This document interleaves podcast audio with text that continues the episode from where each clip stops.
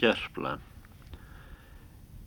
Í kabla sem hér er á undan gengin segir af því er Þormóður er horfin burt úr rekju sinni í öðri einn morgun þegar hann vakna.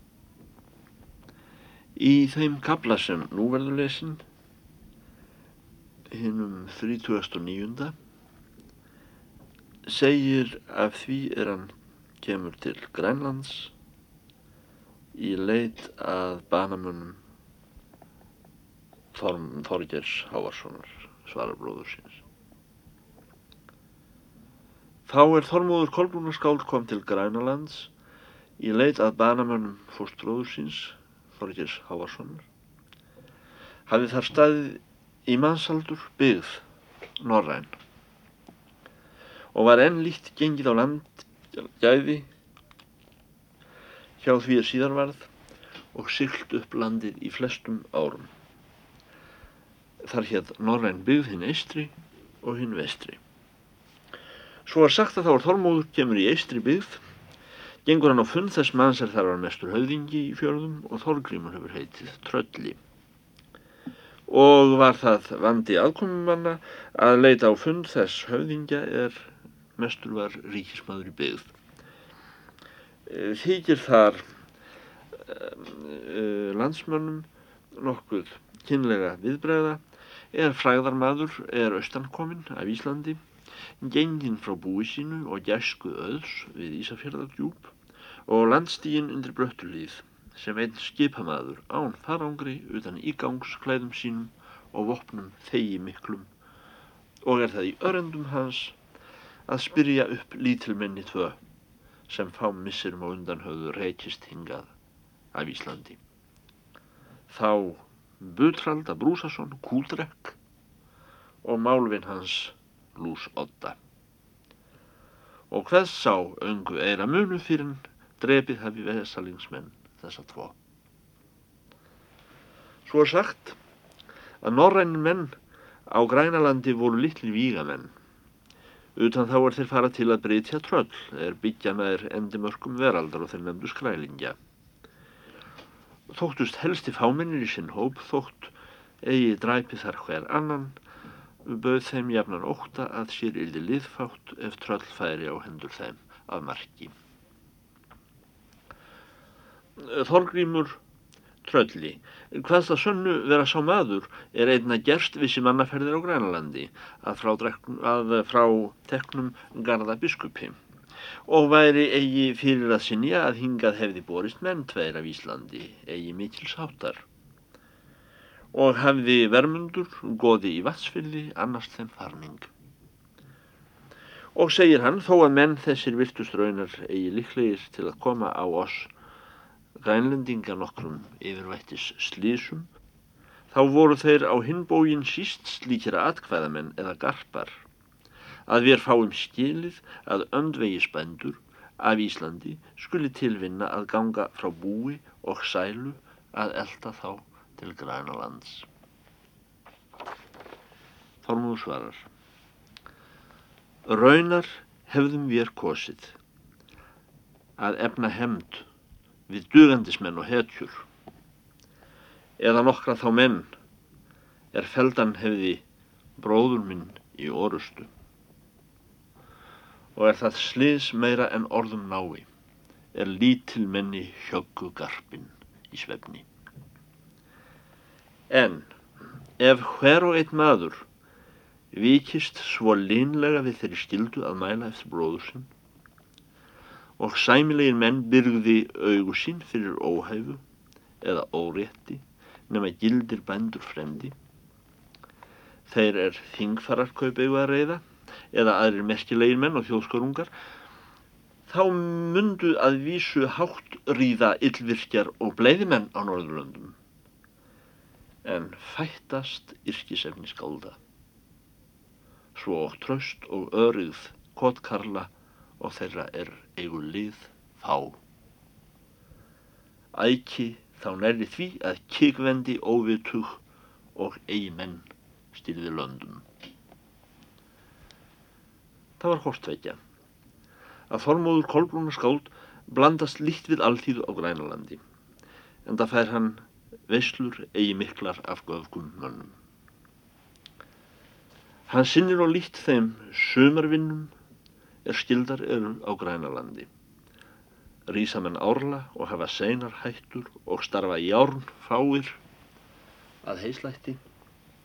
Skera þar sumir menn strá upp með knífum sínum eða reyta berum höndum. Nokkrin menn vaka á nætur yfir kornreinum smám og breyða vaðmál á auksinn um frostnóttum. En aðrir reka fiska í lón og grípa höndum eða fara með keppum og fljúa á sela. Og þá er verkstjórar inn að Þormóð eftir hvern starfa hann vill sér kjósa á búum Þorgríms trölla. Hann hveðst hér komin að drýja fræðarverk en hafa eigi matar áhyggjur verður hann af þessum sökum all leiður mörgum mönnum í eistri byggð, segja verkstjórar þau lög á grænalandi að sáur eigi vill vinna skal og eigi mat hafa og sé þarlandsmönnum tíðar að ná mat sínum en yfka hetjuskap eða hlýða á drepplinga. Og var jafnan kjór undir í tali manna við skáldið og verður honum ógott til vistar. Af þráspurnum sínum um þá butralda, fær Þormóður þá vitru að lausa gepplar þessir, tóttu grænlendingum heldur leiðilegir og náðu þeir öngri staðfestu hjæðra. En það fýsti þá að ganga með húsum meir en vinna mönnum þarfa. Hafðu fyrir menn látið þæra þá um vorið í vestri byggð þar sem mannlífi er harðara og verða húsgangsmenn stjót döðari en í hinnum eistrum stöðum. En þá er Þormóður hefur til fulls reyfð málþau er honum verður tíðrætast um eftir mæli Þorgers Víkur hann á ólíkt efni, spyr ef menn vitu hver leynast kunni á grænalandi konasú en meiri var en aðrar konur. Útlægi vermundar í vatsfyrði og fór við þræli einum loðnum úr östruvegi. En þá er menn spyrja hver svo kona hétt er hann frétti að, þá hefur hann glemt nafni hennar. Svo hefur Þormóður frásagt að hann lifði við þröng og krankdæmi vetur sinn hinn fyrsta á Grænalandi í eistri byggð og kendi þess harði lífis er menn verða að þóla í þvísa landi á flestum veðtrum er þar verður jafnan búskortur og útmánuðum og eigum menn völ þára hluta þeirra er til lífs framferslu þeirra. Kuldar býta menn sárlega en fátum eldsneiti. Mjölkur penningur geldist sækir heilisis á gói og króknar fjö mjög úti er beittir á gatt en kýr verða reysa í fjósum hafa menn eigi utan fornt skýr að drekka ef eigi náur björg í fiski eru og ónógir um veiðarfæri en sjórleikur fyrir landi. Skortir okk klæði og útbúnað til viðlegu á Ísum. Mjölskortur til bröðs og grauta svo mikill að menn hyrða fræ og sáðkorn ímiskonar í holdum og lingum og tyggjað sér til helsubótar. Og er mann fagnaður helstur í selakjöti fornu. En það verður mannum leitt til átu er hafa ekki vætta að bæta sér í munni. Urðu flestir menn af slíku harðlífi, ófeitir og sjúkir um vetrum, en margir dói með fjesinu í hördu ári, urðu og eigi á grænalandi jóldrukkin, en heitið þeim mun fastara á blessaðan Nikulám úr bár og er hann svo dýrðarmanna að grænlendingar hafi trúað einna best eftir að Þór líti. Stóð hans kirkja í gölðum að bóði herra Pávans. Sú tíð verður sjaldan vonum fyrr á grænalandi að Ísabrjóti og tæmist fyllir og byggjist sjóferðir. Þó kemur þar jafnan að lokum. Og þá er vorar, náir Þormóður fari með mönnum nokkrum er fóru búferli sínu til vestri byggðar. Í milli byggða á Grænalandi er sex daga róður á fari sex æru. Þeir hefðu mótviðri og velktust lengi sumars millir lands og eiga og urðað að afla sér matfanga með veiðiskap og ná byggð hinn í vestri síð á engjaslætti. Hér var þjóð fámennri og líf enn harðara en eistra. Slúttu hér nögtir klettar í sjófram og urðu langir fyrir inn í meðal jöklanna svo að eigi beigð stingandi strá og var mönnum sínum meiri nöðsinn í blessuðum Nikolá úr bár í þeirri byggð en henni fyrir. En það voru honum kirkjur görvar undir breðafönnum að bóði loflegs herra Pávans. En þá er Tormóður Kolbrún og skáldleið þar frétta af þeim félögum, butralda og lúsotta. Spyr hann þau tíðindi að hlauparar þessir reðust í för með veiðimönnum er heldu í norður setu á vori. Að leggja niður rostunga og hvala sem þessara stórfiska tenn er mestur kaupeirir einhver eftir gull og fílabein sem getur í veröldinni. Norður setu hafa grænlendingar nefnda þá staði er litjan næstir ginnungagapi þar sem eigi verður utan ís og myrkur og byggja hrýnþursar. Til þeirra staða í norður setu er nálegstir verða grænlendingabyggðum er fimm dögum fátt í mánadar róður. Fara menn á vor og koma aftur á höst en sumi sitja vetralangt norður að afla sér fjár en sumi lengur og verður oft krögva samt í þeim ferðum. Egu margir ekki aftur kvemt úr norðursetu voru og þangaðferðir taldar eigi á færi annara en ofurhuga ellegar þeirra manna er af fátæktar sökum áttu ekki sér handbjörg. En þeir menn er ná að komast heim aftur úr norðursetu þá er vel stopnað þeirra upphaf. Frá því hefur sagt verið að þið næsta norður af norðursetu litja bústæðir þeirrar tröllaþjóðar og fjölkingismanna er grænlendingar nefndu skrælingja fyrir því að þeir voru vafðir skrám og skreium slíkum sem norrænum mönnum þykir skam að bera. Kalluðu norrænir menn eigi mannakín standa að þjóð þessari og hvaðu rétt dræpa sögðu spott dreigið að mennskum mönnum er ókindur taka á sig manns líki með augum og nefi og öðrum skapnaði sem menn væri.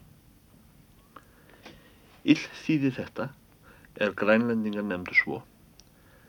Barst einast austur um land á sumar og settu tjöld í eigum og stjerjum og störfuðu að hölum og öðrum stórfiskum. Og nær sem spyrst að þeir eru við landkomnir, láta norrænir höfðingjar skera upp bóð og gera leiðangur og hendur fólki þessu og drepa það. Skjótt fengur norrænir menn þann kunnleik af þessum mönnum að svo væri þeirra fjölkingi yfrin að þeir rötuðu aldrei í lífsáska á sjó eða landi. Kölluðu þeir veður öll blíð og jafn blíð og skemmtu sér aldrei betur en í þeim ofsum er norrænir menn krókna eða verða sjódauðir. Þessi þjóð lifði jafnan við allsnæktir hverju sem erði og vöguðu af fytu. Hafðu ágætan mannfagnað sín á meðal, þá er norrænir menn spakir að viti, orðalaðir búsíslu menn, fóru alls góðs á mis og stæðjar að byggum þeirra hungur og vesöld með landöðun og fjárfelli en börn degja í burðaliðinum. Og þá er sirti að með hvössum vindum og stórum famburð og hörðum frörum Þá sest tröllaþjóð í kastala af ísi görfan og hveður tungl bonda kviðu sér til skemmtunar aftur á baku áfram nótt og dag og hyrstu aldrei hvort veður stóðu lengur eða skemmur. En það þótti norrænum mönnum engum fyrðu gegna að svo þjóð átti ekki vopna og hefði eigi fengið þeirra listar að drepa menn nýja myrða. En letu niður breytjast sem hráviði og uppganga hýbili sín fyrir eldi ef fjölkingi dugði þeim eigi til lífs. Nú hefur Þormóður þær spurnir af hafðar, banamannum Þorgis Hávarssonar,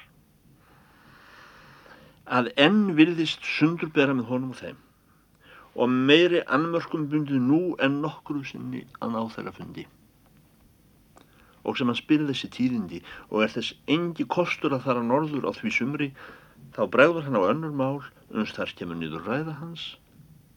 Hvort með viti, þá konu er meiri sí og styrkri öðrum konum í vestri byggð en þó mjúkari og þekkilegri í Karlmanns leik og farið hafði af vestfjörðum til Grænalands að ráði vermundur goða. Grænlendingar hvaðust við að engi deili á konu þessari, er svo mikils háttar var, sem Þormóður sagði. En kellingun okkur af Íslandi byggði á nesjum út, nær selalátrum og breytti lísi það er gardabiskupi stildi gjalda ár hvert og gekk henni til handa kall einn skakkur og ófrínilegur. Þessi kona bar nafn undanlegra en flestar konur því hún hétt Sigur Hrjóð. En Karl sinn nefndi hún loðin bonda en þó oftar loðin þræl og var því fólki margt lægið betur en fríðlegs þokki. Nú líða svo dagar og víkur að Þormóður reykar um vestri ána vík, dapur og ráða þár hefur hann litlar víðurtekjur af hennum meirum mönnum sem fyrr og er löngum sjúkur af litlum aðbúnaði og vondri fæðslu. Skoðar mjög hugsinum þá hluti er að ívitu aðrir menn. Og senkar því að hann fari á annes að vitja konu er þarfart sögð. Hann gengur hvern dag lengi með sjófram og sýtur á fjörusteinum að horfa á sela er þar kæpa í stjerjum eða er freistar að taka spádóma af þýtt fogla. Þar verður honum lítið til á hverjum degi er uppstíga reykir úr klettum utarlega á nesi handan fjörðar. Hann gengur hvern dag góðan spöl lengra innan með þyrði en hinn fyrra dag áður hans nýr við. Einn morgun hefur hann lagt af stað árlega er það nær miðjum degi að hann kemur í fjarðar botn. Þykkur hann geitarmjólk að drekka af einum búkalli og situr á gerðinu lengi eftir og bræðir með sér hormegin fjarðar hans skuli ganga utar aftur og verða lyktir að hann gengur aðra strönd utar með þýðbyrði aftur í köldum jökulskugga og stefnir á nes út meiri leiðslu en af einörð. Þá var hann kemur á nesottan skín sól í andlitónum undir kveld. Hvíta reiki berfið loft undir sól að sjá og berst að vitum honum steggur af grút undan vindi. Hann var í því ráðinn að snúa eigi aftur hérna af. Ímillum nögtra kletta sittur maður við hlóðir og standa yfir eldin kallar tveir bræðir hann í öðrum lifurinn spik í hinn og kindir eldin með þangi og reka viði. Þessi maður hefur eigi látið gera skeggsitni hár í margt ár. En undir kaflóðinu brúnastæði glampa augusnar sem í hauki. Skálm hans fögur, drifin blóði og spíki lág á hlóðarsteini. Þormóður Kolbrúnar skáld, hilsaði á eldamann, leysir sverð sitt og leggur á annan hlóðarstein öndvert. Leggst síðan yfir í grótið því að hann var göngumóður. en ekki lætur Karl upp augu sín af lísinu. Tormóður spyr. Hverjum manni mun Kolbrún unna um aðra menn fram í þetta bröðum? Þá lítur Karlinn upp og er leftur í auga honum undir hinnum miklum brúnum. Þess myndu vís verða nógu snemma, segir hann. Hvern er þá, spyr Þormóður. Þann dag, segir Karl, er vopn þess manns, er hún ann næst þér, stendur þér í hjarta. Eða hvers leitar skiptingur þinn í raskörn þessari? Fræðar, segir komum maður. Það vissa er eigi fyrr að menn væri til fræðarsettir á grænaland, segir kallinn, eða hvern skaltu drepa? Buðtralda, segir Þormóður, og Svein þannig honum fylgir. Karl meldi og hlæðir við. Þar viltu fyrir þér hafa þann kappa sem vitrastur hefur borin verið og mestur brunn mýi á Íslandi og mun sá vist betur hafa sem fyrr en allir hans óvinnir. Hann hafði í djúpi og á ströndum öll gæði er hann kvatti af mönnum og var hann vanur að eta þar lísumat að vild. Lísumatur er mjölkumatur. Hér sveltur fólk og fjö í flestum árum og sáu þeir butraldi skjótt að skambræðs myndur norrænir menn aldauða í veiðistöð þessari og að hér býði lítill fram í verklausra manna. En nær hinnum nyrstum jöklum lifir þjóðun okkur slíku bílífi að þeir koma feitsel í mun barni þá boriðar og döðum mönnum þá gefnir eru fólkum. Þeir butraldi eru á brott farnir með norður setumönnum að blandast við þessa þjóð. Skamt undan, í skjóli við klett ofan lútan, stóð saman byrgi eitt af steinum og þjett utan með þangi, en hval skýð að dýrustöðum. Og er þeir hafa ræðst við nokkra hríð, karl og gestur, þá er upplátið byrgið og krýpur þarum dýr lágar kona einn í bjarnarfeldi. Þessi kona var eigi að einu mikil vexti heldur herri á barm og þreknar í miklu um hvið og lendar en aðrar konur. Kolbrind mjög en úlfgrátt hárið, svíra mikil og tannsterk og eigð, allra hvenna mest. Hún hefði stitt sig undir bjarnarsfeldinum og voru kálvar, stinnir og knieöflgar í miklu en á öðrum mönnum. Og varð ljósara af sín konu þessarar, allt er segir í fornsögum af flöðum, og fjölkingiskonum er á hinnum nyrstum annesjum byggja þar sem uppskólar sæ hafa mönnum þá er brotinir og skip þeirra. En jafnskjókt og út er gengin konan um byrgistýr sínar þá fer hún raglegt að hlóðunum og tekur vopnum bæði. Skálm Karls og sverð komumans er það lágu hort á sínum hlóðarsteini og festir á linda sér undir feldinum. Þormóður rís á fætur og hilsar konunni. En hún spyr hann tíðanda og hvað manna hann sé og hverju gegnir svo ungur maður og fríður. Lætur eigi gera stegsitt hofmannlegar þá er hann gengur á konufund. Hann eh, kallar sig Vigfús fyrir konunni og hveðst eigi á Grænaland komin þeirra örenda að láta skera kampa sína eða skapa hár sitt eigum borinn og barnfættur á Íslandi við djúb.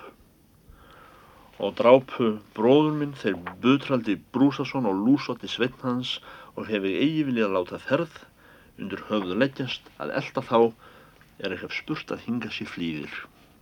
Er það ætlan mín að hlaupa þá uppi og drepa þá hér á græna landi. Við þessi orð regur húsfreyja upp hlátur eigi all lítinn og tekur undir í klettum og vakna selar á steinum. Og þá er konan hefur hleyið næju sína, snýr hún sér að Karli, er þar kraup einn fyrir hlóðum og segir Nú mynd þú á brott verða skulu loðinn þræll og mun eg einsömmul mæla við gest þennan. Þrællinn gengur þó í brott og hefur eigi orð um. Hann var herði mikill og nokkuð álútur og kempulegur maður. En Þormóður, Kolbrún og Skáld gengur til konu þessarar og minnist við hana. Sigurfljóð húsfreyja tekur svo til orða. Nú ertu þar komin, Þormóður, segir hún. Að eigi er lengur þörf að hafa uppi orða skrap og þótt súkona sé að vísu fjarrri er fyrir laungu tók í sæing sína smá svein þannig sofastildrið hundum. Þá átt að eg jafnan von þinnar hérkomu um síðir þótt eigi yrði utan dís mín hér í neðsinu að fagna þér. Eða hve fegstu glemt mín svo lengi? Hann segir Öngvan átt hef eg gengið að sofa nefn vaknað of myrgin svo að eigi gæli fogl þinn á þakki. Gott þykir oss konum jafnan, segir hún, að heyra skjál yðvart karla. En þó best þá er við gerumst gráar og þjokkvar og áttum við reyndar fundi góða áður þótt ef það er að engi fríðlegs kona. Sú kona varstu, segir hann, en jafnan hefur fyrirstaði því að þið mætta annari unna. Og jafnt, þótt er bindist henni fegurstu valkyrju, þá máttum við eigi munum vinna, sögum þinnar myndar er jafn stóð í meðal mín og þeirrar. Óreint er það, segir hún. Hvort að kona svo er þú finnur hér hefur hunangsblett þann er enn mætti verða fróðum að hvæði. Ég hef verið kallaður mestur bondi við djúb, segir hann. Við hlið mér stóð þá kvennkostur er fyrir auðsækjur og venleiks. Gerði mér flesta gilda menn að öfundarmannum um vesturland en á hásumar. Það var sól æfina hló glaðast í heiði við skáldi þessu og höfgast hann ilmlaður úr gjörðu, mátta eg eigi af mér bera uns ég hafa kvata til húskarla mína að ferja mig út á snæfjallaströnd og leta ég staðar numið fyrir henni fyrði þeim er myrkvastur verður og gneiplegastur í jökulfjörðum. Þar settumst á vallgróin vegg og heyriði falla undir tóttina læk þannig rannum búr þitt fyrrum. Ár eftir ár, jafnan, þá var hæst stóðu sumur, leitaða eða hins kalda fjarðar undir hinnum myrkum björgum þar sem hefða engst sundur og saman sjúkur í örmum þér á skamdegisnáttum. Til hvaða eg ykkur, Þorgeir, segir hún, að fara og drepa fríðil minn á hennum fyrstum degi ykkarar þar komu og gera að sönnu eigi aðrar konu betur við hæfi bonda sinna. Þormóð segir, ef em fadir þeirra meia tveggja er bestir eigar og mjúkastar á koll svo í djúpi sem á ströndum. Og er mér jafnan í hug tær þeirra smáar, er þær lág á brjósti móður sinnar að drekka. Húsfregameldi. Lettbelli stundir hefða ég áttar þólmóður. Að fara útlægi í Grænaland fyrir vermundi Karli, fornvinni mínum, hefði okkur orðið sonar auðið og vitaskaltu. Að hefða eg meir unnað sjálfri mér en þér, mynda eg þig aldrei lausan látið hafa að hverfa úr jökulfjörðum að djúpi. Átt að ég þó munuð þína fullkomna, með því valdi er þar fylgir, þá eru gaf þig annar konu eigi unni mér Sú kona miður en þú, segir hann. Því að þar sem þú kvattir mig til að drepa fríðil þinn, gekk hún í hvílu þrælsins um nótt, að ég mætti að draga skó mér á fætur og á brott hverfa meðan, á við þess frjálsræðis er gerir hetjur og skáld.